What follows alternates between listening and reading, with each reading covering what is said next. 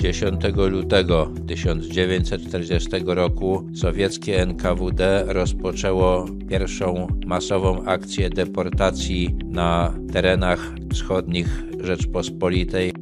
Deportacja ta objęła przede wszystkim rodziny osadników wojskowych, urzędników państwowych, służby leśnej i kolejarzy.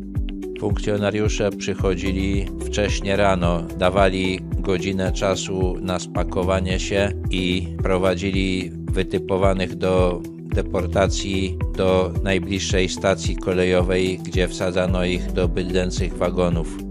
W sumie wysiedlono tego dnia do 140 tysięcy ludzi. 70% z nich stanowili Polacy. Wysiedlono też kilkanaście tysięcy Białorusinów i Ukraińców. Zesłańców rozlokowano w obwodach archangelskim, czkałowskim, swierdłowskim, gorkowskim, pomskim, nowosybirskim, mołotowskim, jarosławskim, kirowskim, irkuckim i wołogodzkim, a także w autonomicznej Republice Komi, Jakuckiej i Baszkirskiej oraz kraju krasnojarskim i autajskim.